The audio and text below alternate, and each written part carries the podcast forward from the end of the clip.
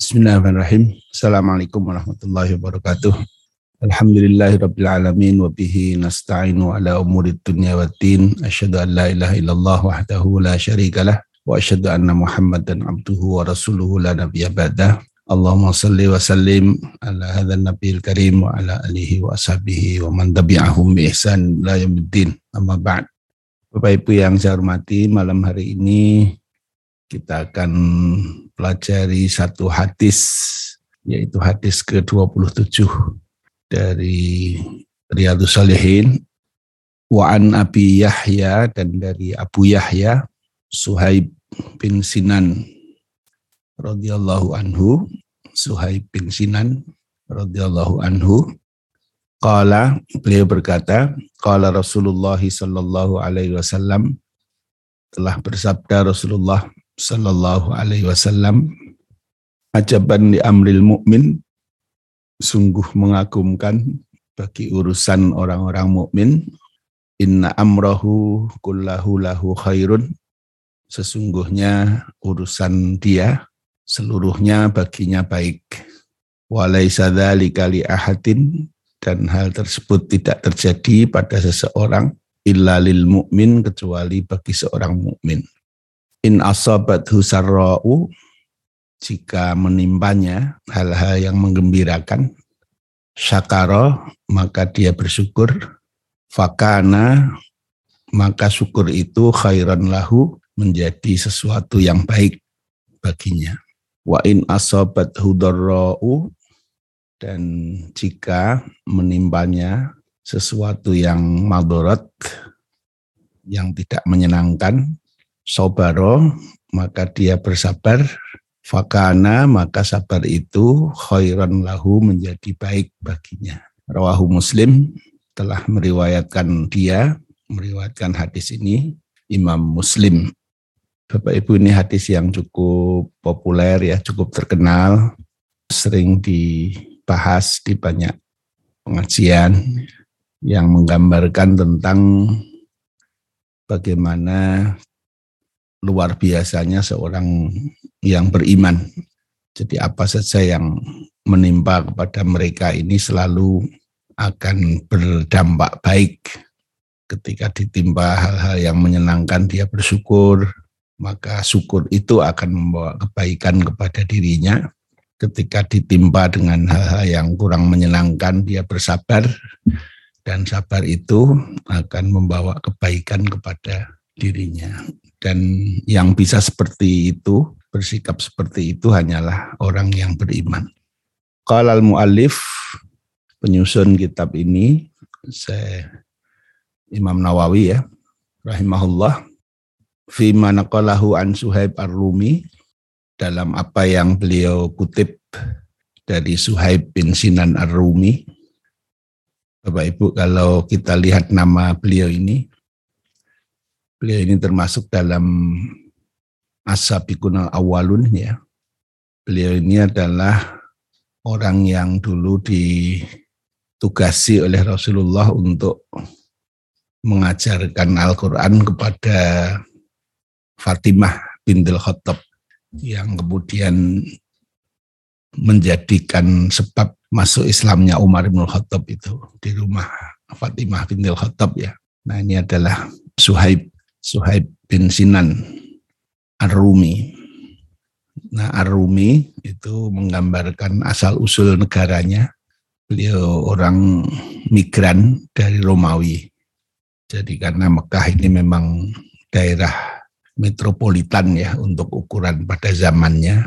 Nah, sehingga banyak migran yang berasal dari daerah-daerah lain, kota-kota lain, bahkan negara lain yang tinggal di Mekah ini karena karena bekerja di sana ya. Nah, Suhaib ini adalah salah satunya. Beliau budak dulu ya, budak. Suhaib bin Sinan Ar-Rumi yang berasal dari Romawi. Inna Rasulullah sallallahu alaihi wasallam qala ajaban li amril mu'min inna amrahu kullahu lahu khair ay inna rasul alaihi salatu wassalamu azharul ajba ala wajhil istihsan. Nabi wasallam itu menampakkan keheranan dalam bentuk yang positif li amril mukmin terhadap urusan orang-orang mukmin aili sya'nihi.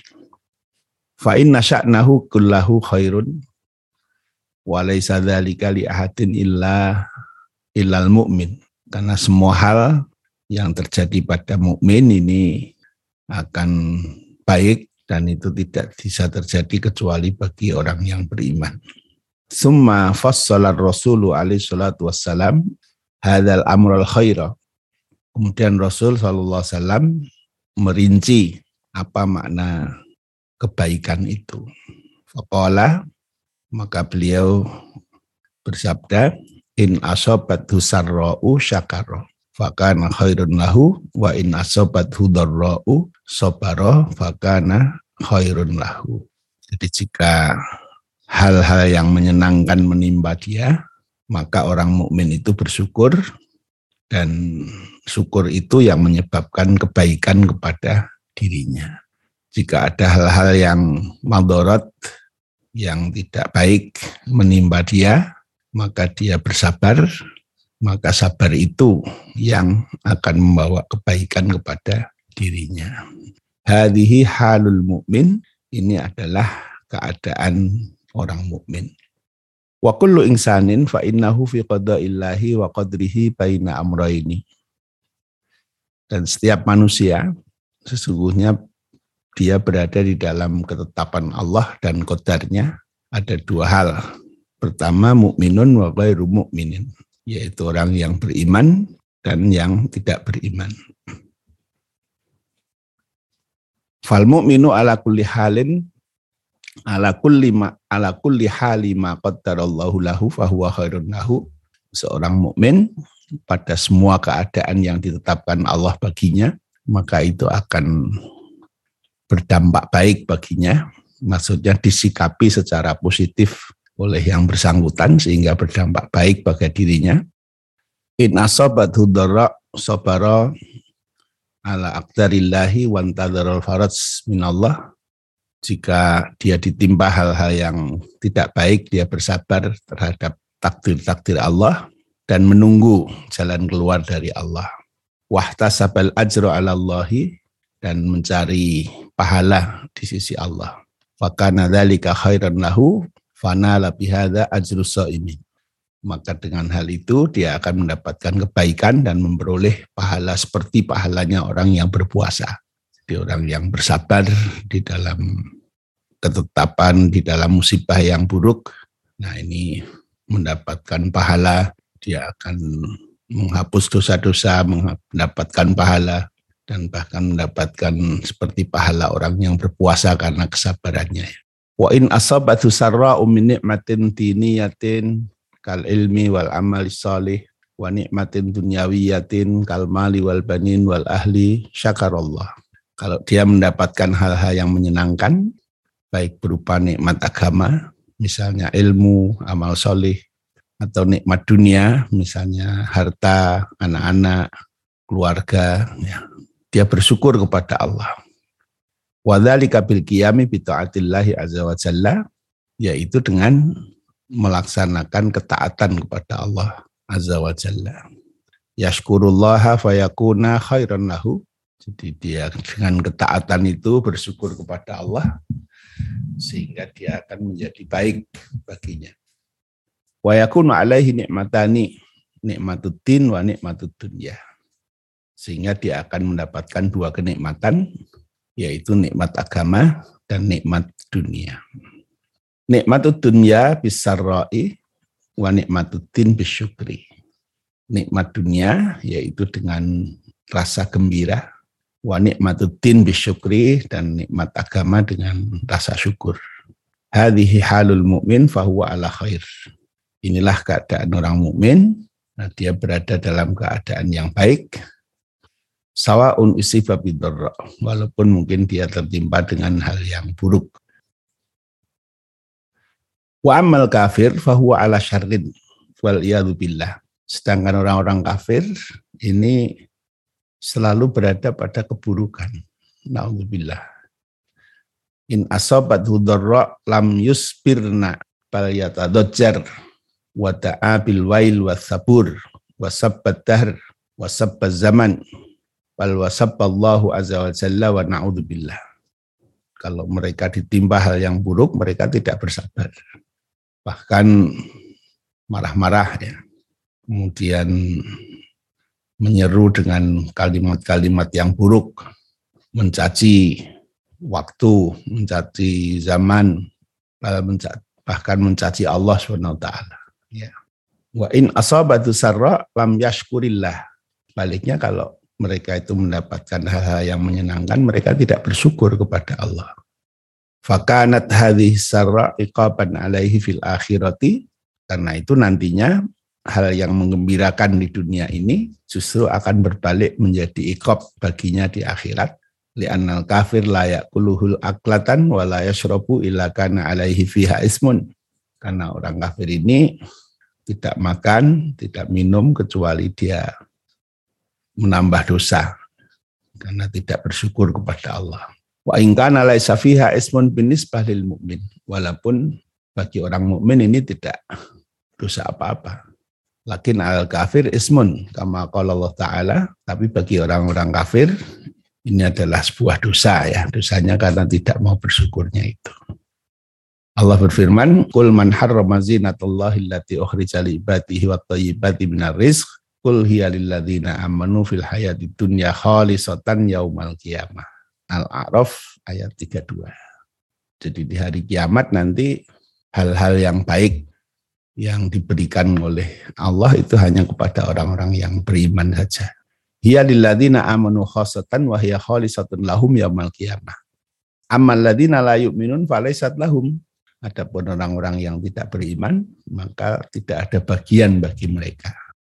Wa yaquluna haraman alaihim wa yu'aqabuna 'alaiha yaumal qiyamah. Bahkan mereka makan dengan haram dan mereka akan disiksa di hari kiamat. Fal kafiru syarrun. Maka bagi orang kafir itu adanya buruk sawaun asobatu dharra am asarra baik dia ditimpa dengan hal yang buruk maupun ditimpa dengan yang baik yang menyenangkan bihila fil mu'min fa innahu ala khairin. Berbeda dengan orang mukmin fa innahu ala khairin. Kalau orang mukmin ini apa saja yang menimpa itu berdampak secara baik akan membawa hal yang positif ya. Wa fi hadzal hadisi al-hasu 'alal imani 'ala nabi sallallahu wasallam wa anal mu'min iman fi khairin wa nikmatin. Jadi hadis ini juga mendorong pada kita untuk percaya kepada Nabi bahwa sebagai seorang mukmin ini kita akan selalu berada dalam kebaikan. Wa fihi aidan al-hasu 'ala sabri 'ala dharra juga di dalam hadis ini bisa kita tangkap dorongan untuk kita bersabar ketika sedang tertimpa dengan hal-hal yang tidak menyenangkan. Wa anna dzalika min hisalil mu'minin salah satu dari bagiannya orang mukmin. Fa idza ra'aita nafsaka inda isabati dharra sabiran muhtasiban tantadir al faraj min Allah Subhanahu wa taala wa tahtasibil ajra ala Allah fadzalika inwanul iman. Jika engkau sedang mendapatkan hal yang madarat sedangkan kamu bersabar mencari ridha Allah berharap jalan keluar dari Allah SWT, berharap pahala dari Allah, maka itu akan itu adalah pertolongan iman. Wa in ra'aital aksa falima nafsat. Falum nafsak wa adil masirak wa tub ilallah. Tapi sebaliknya jika kamu sedang ditimpa hal yang buruk kok sikapnya tidak seperti itu, maka segeralah lum itu cacilah maksudnya evaluasilah dirimu, kemudian luruskanlah jalanmu, dan kembalilah kepada Allah. Ya. Jadi karena mestinya seorang mukmin itu sikapnya tidak begitu. Seorang mukmin ini selalu berhusnudzon kepada Allah Subhanahu wa taala.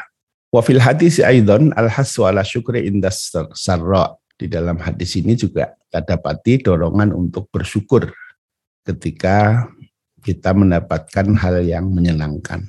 Li'annahu idza syakara al-insanu rabbahu ala nikmatin fahadha min taufiqillahi lahu. Karena sungguhnya ketika seorang mendapatkan nikmat dari Allah kemudian dia bersyukur, maka ini adalah bagian dari taufik Allah SWT baginya. Wahwa min asbab ziyadatin ni'ami dan syukur ini menjadi salah satu sebab dari ditambahkannya nikmat. Kama qala ta'ala wa idza'adzana rabbukum la in syakartum la azidannakum wa la in kafartum inna adzabi lasyadid. Surat Ibrahim ayat 7. Jadi la in syakartum la azidannakum wa idza'adzana rabbukum. Dan ketika Tuhanmu mengumumkan La in syakartum la azidannakum jika kalian mau bersyukur la azidannakum sungguh kami akan menambahkannya kepada kalian. Wala in kafartum dan seandainya kalian kufur inna adzabila syadid sesungguhnya azabku akan sangat pedih wa idza waffaqallahu al-insana syukri dan ketika Allah sudah memberikan taufik kepada kita untuk bersyukur, fahadhihi nikmatun tahtaju ila syukriha marratan saniyatan. Maka syukur ini adalah sebuah nikmat yang perlu kita syukuri lagi. Wahakada dan demikian seterusnya. Lianna syukra kul man yakumu bihi fa idza manallahu alaika wa anaka alaihi fahadhi ni'mah. Ya.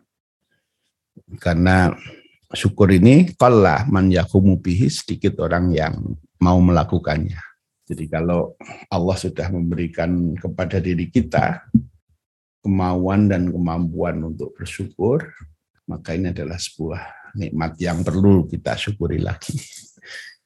Walihada qala ba'duhum dan oleh karena itu sebagian ulama mengatakan idza kana syukra nikmatillahi nikmatun ala lahu fi misliha yajibu syukur. Jika mensyukuri nikmat Allah itu adalah sebuah nikmat, maka baginya perlu syukur yang serupa juga. Fakaifa bulughu syukri illa bifadlihi wa intolatil ayyamu wa tasalal umur. Bagaimana syukur itu akan sampai kecuali hanya dengan karunia Allah walaupun hari itu panjang dan umur itu akan selalu bersambung. Wa sadaqa rahimahullahu fa innallaha idza waffaqaka syukri fa hadhihi ni'matun tahtaju ila syukrin jadid. Jika Allah telah memberimu taufik untuk bisa bersyukur, maka adalah sebuah nikmat yang membutuhkan syukur yang baru. Fa in syakarna fa hiya nikmatun tahtaju ila syukrin sanin, fa in syakarta fa hiya nikmatun tahtaju ila syukrin salis wa halum majaro. Kalau kamu bersyukur, maka perlu syukur baru lagi, perlu syukur baru lagi dan seterusnya. Walakin nana fil haqiqati fi ghaflatin an hadha. Tapi sering kali kita lupa dalam hal ini Nas'alullah ayyukidha qulubana wa qulubakum wa yusliha amalana wa amalakum innahu jawadun kabir. Kita bermohon pada Allah agar selalu diberikan kesadaran di hati kita dan memperbaiki amal-amal kita. Bapak Ibu rahimakumullah, mungkin sebagai catatan tambahan kalau Bapak Ibu bisa melihat di surat Al-Hadid juz 27 ya. Coba saya di ayat 22 Allah berfirman di situ ya. A'udzubillahi minasyaitonirrajim. Mudah-mudahan kelihatan. Eh, sudah muncul belum ya? Belum, Ustaz. Ditutup dulu share screen-nya, Ustaz. Baru di-share ulang. Oh ya ya, sebentar. Kelihatan nggak? Kecil. Kalau di komputer saya kelihatan. Ya, kalau di HP mungkin terlalu kecil, tapi silakan nanti lihat di ya di surat Al-Hadid ayat ke-22 ayat 23 ya. A'udzubillahi minasyaitonirrajim. Bismillahirrahmanirrahim. Ma asaba min musibatin fil ardi tiada suatu hal yang menimpa min musibatin dari sesuatu yang menimpa fil ardi di bumi wala fi anfusikum dan juga di dalam diri kalian illa fi kitabin kecuali tertulis di dalam kitab Lauhil Mahfud min qabli an nabro'aha sebelum kami menciptakannya. Inna dzalika 'ala Allah yasir, sungguhnya hal tersebut 'ala Allahi bagi Allah yasirun adalah sesuatu yang mudah. Likai la ta'sau ala ma fatakum, kami jelaskan yang demikian itu supaya kamu jangan berputus asa. Ala ma fatakum atas yang luput yang tidak kamu peroleh. Wala tafrahu dan supaya kamu jangan terlalu gembira. Alama uh, alama atakum atas yang Allah berikan kepadamu. Wallahu la yuhibbu kulla mukhtalin fakhurin dan Allah tidak menyukai setiap orang yang sombong lagi membanggakan diri ya. Jadi ayat ini satu tema ya satu tema dengan hadis tadi. Jadi kalau di sini bahasanya ini dengan bahasa negasi ya. Kalau hadis tadi dengan bahasa positif, kalau orang mukmin itu semuanya baik ya. Kalau dia mendapatkan sesuatu dia bersyukur, itu baik kalau dia tidak mendapatkan sesuatu atau dia mendapatkan sesuatu yang mandorot dia sabar itu baik. Nah kalau di sini Allah mengatakan bahwasanya Allah telah menulis segala sesuatu yang akan terjadi pada diri kita, pada di bumi, di diri kita. Ini semua sudah tertulis di Lauhil Mahfud sebelum Allah sendiri menciptakan kejadian itu ya. Dan itu adalah suatu yang mudah bagi Allah. Nah artinya kita sudah, Allah sudah tahulah bahwa setiap orang ini akan diuji dengan ujiannya masing-masing. Nah di sini Allah memberitahu kita supaya apa? Likaila tak sau alama fatakum. Jadi supaya ketika kita tidak memperoleh sesuatu, ini kita tidak berputus asa. Ya. Nah, sebaliknya kalau kita mendapatkan sesuatu ya, tidak memperoleh sesuatu itu maksudnya apa yang kita inginkan tidak tercapai ya. Kita inginnya baik ternyata mendapat madorot. Ini mafatakum itu asobat kumudorok ya. Nah sebaliknya kalau bima atakum ya asobat husarok ini kaila tafrohu supaya kita tidak bergembira berlebihan ya. Kalau bahasa Jawanya itu bungahi, bungahi. Gitu. Nah ini kalau orang kafir ini bisa terjadi seperti ini ya. Jadi kalau mereka mendapat sesuatu yang mandorot, mereka berputus asa, frustasi, bahkan sampai bunuh diri dengan ya bermacam-macam lah ekspresinya. Nah tetapi kalau berhasil tidak bersyukur. Kalau berhasil itu membanggakan diri. Bungahi, ya, pesta-pesta, kemudian membanggakan diri, merasa berhasil dan sebagainya. Nah itulah tadi dikatakan oleh Syekh Zaimin bahwa bagi orang kafir itu diberi sesuatu yang baik juga dampaknya buruk karena tidak bersyukur justru pada tafrohu ya kemudian muhtalin fakhur menyombongkan diri membanggakan diri seolah-olah itu adalah kesuksesan dia ya. nah sementara kalau tidak berhasil mereka tak sau ya mereka akan berputus asa frustasi, bunuh diri dan sebagainya. Nah, sehingga ini adalah sesuatu yang yang buruk bagi orang-orang kafir. Nah, karena itu nikmat iman ini memang luar biasa ya. Jadi dengan selalu pandangan positif kita terhadap segala yang terjadi pada diri kita ketika kita diberi sesuatu yang berupa nikmat oleh Allah, kita tahu bahwa ini adalah pemberian Allah sehingga kita syukuri tidak kita banggakan, tidak muncul sama sekali rasa kebanggaan di dalam diri kita, tetapi yang ada adalah rasa syukur. Dan rasa syukur inilah yang mendorong kita untuk menggunakan nikmat itu untuk lebih taat kepada Allah Subhanahu wa Ta'ala. Nah, insya Allah nanti kalau kita semakin taat kepada Allah, Allah akan tambahkan lagi nikmatnya. Nah, sebaliknya ketika kita sedang diuji oleh Allah dengan sesuatu yang bukan berupa kenikmatan, tetapi misalnya madorat ya, sesuatu yang tidak kita sukai, nah ini kita bersabar. Nah kita tahu bahwasanya ujian yang berupa hal-hal yang madorat ini jika kita hadapi dengan kesabaran, penuh dengan husnudan kepada Allah, berharap kepada ridha Allah, berharap jalan keluar kepada Allah SWT dengan usaha-usaha kita, mana yang menjadi bagian kita, kita kerjakan dan selebihnya kita serahkan kepada Allah, maka itu akan kesabaran itu akan menghapus dosa-dosa kita, akan menambah pahala kita. Jadi itulah dikatakan oleh Rasulullah, orang mukmin ini memang luar biasa. Apa saja yang menimpa pada dia itu baik dan itu tidak terjadi kecuali hanya pada orang yang beriman. Nah, oleh karena itu marilah Bapak Ibu kita selalu membangun sikap positif terhadap segala hal yang menimpa pada diri kita ya jadi tentu kalau kita diberi hal-hal yang baik, bersikap positif itu tidak terlalu sulit biasanya ya.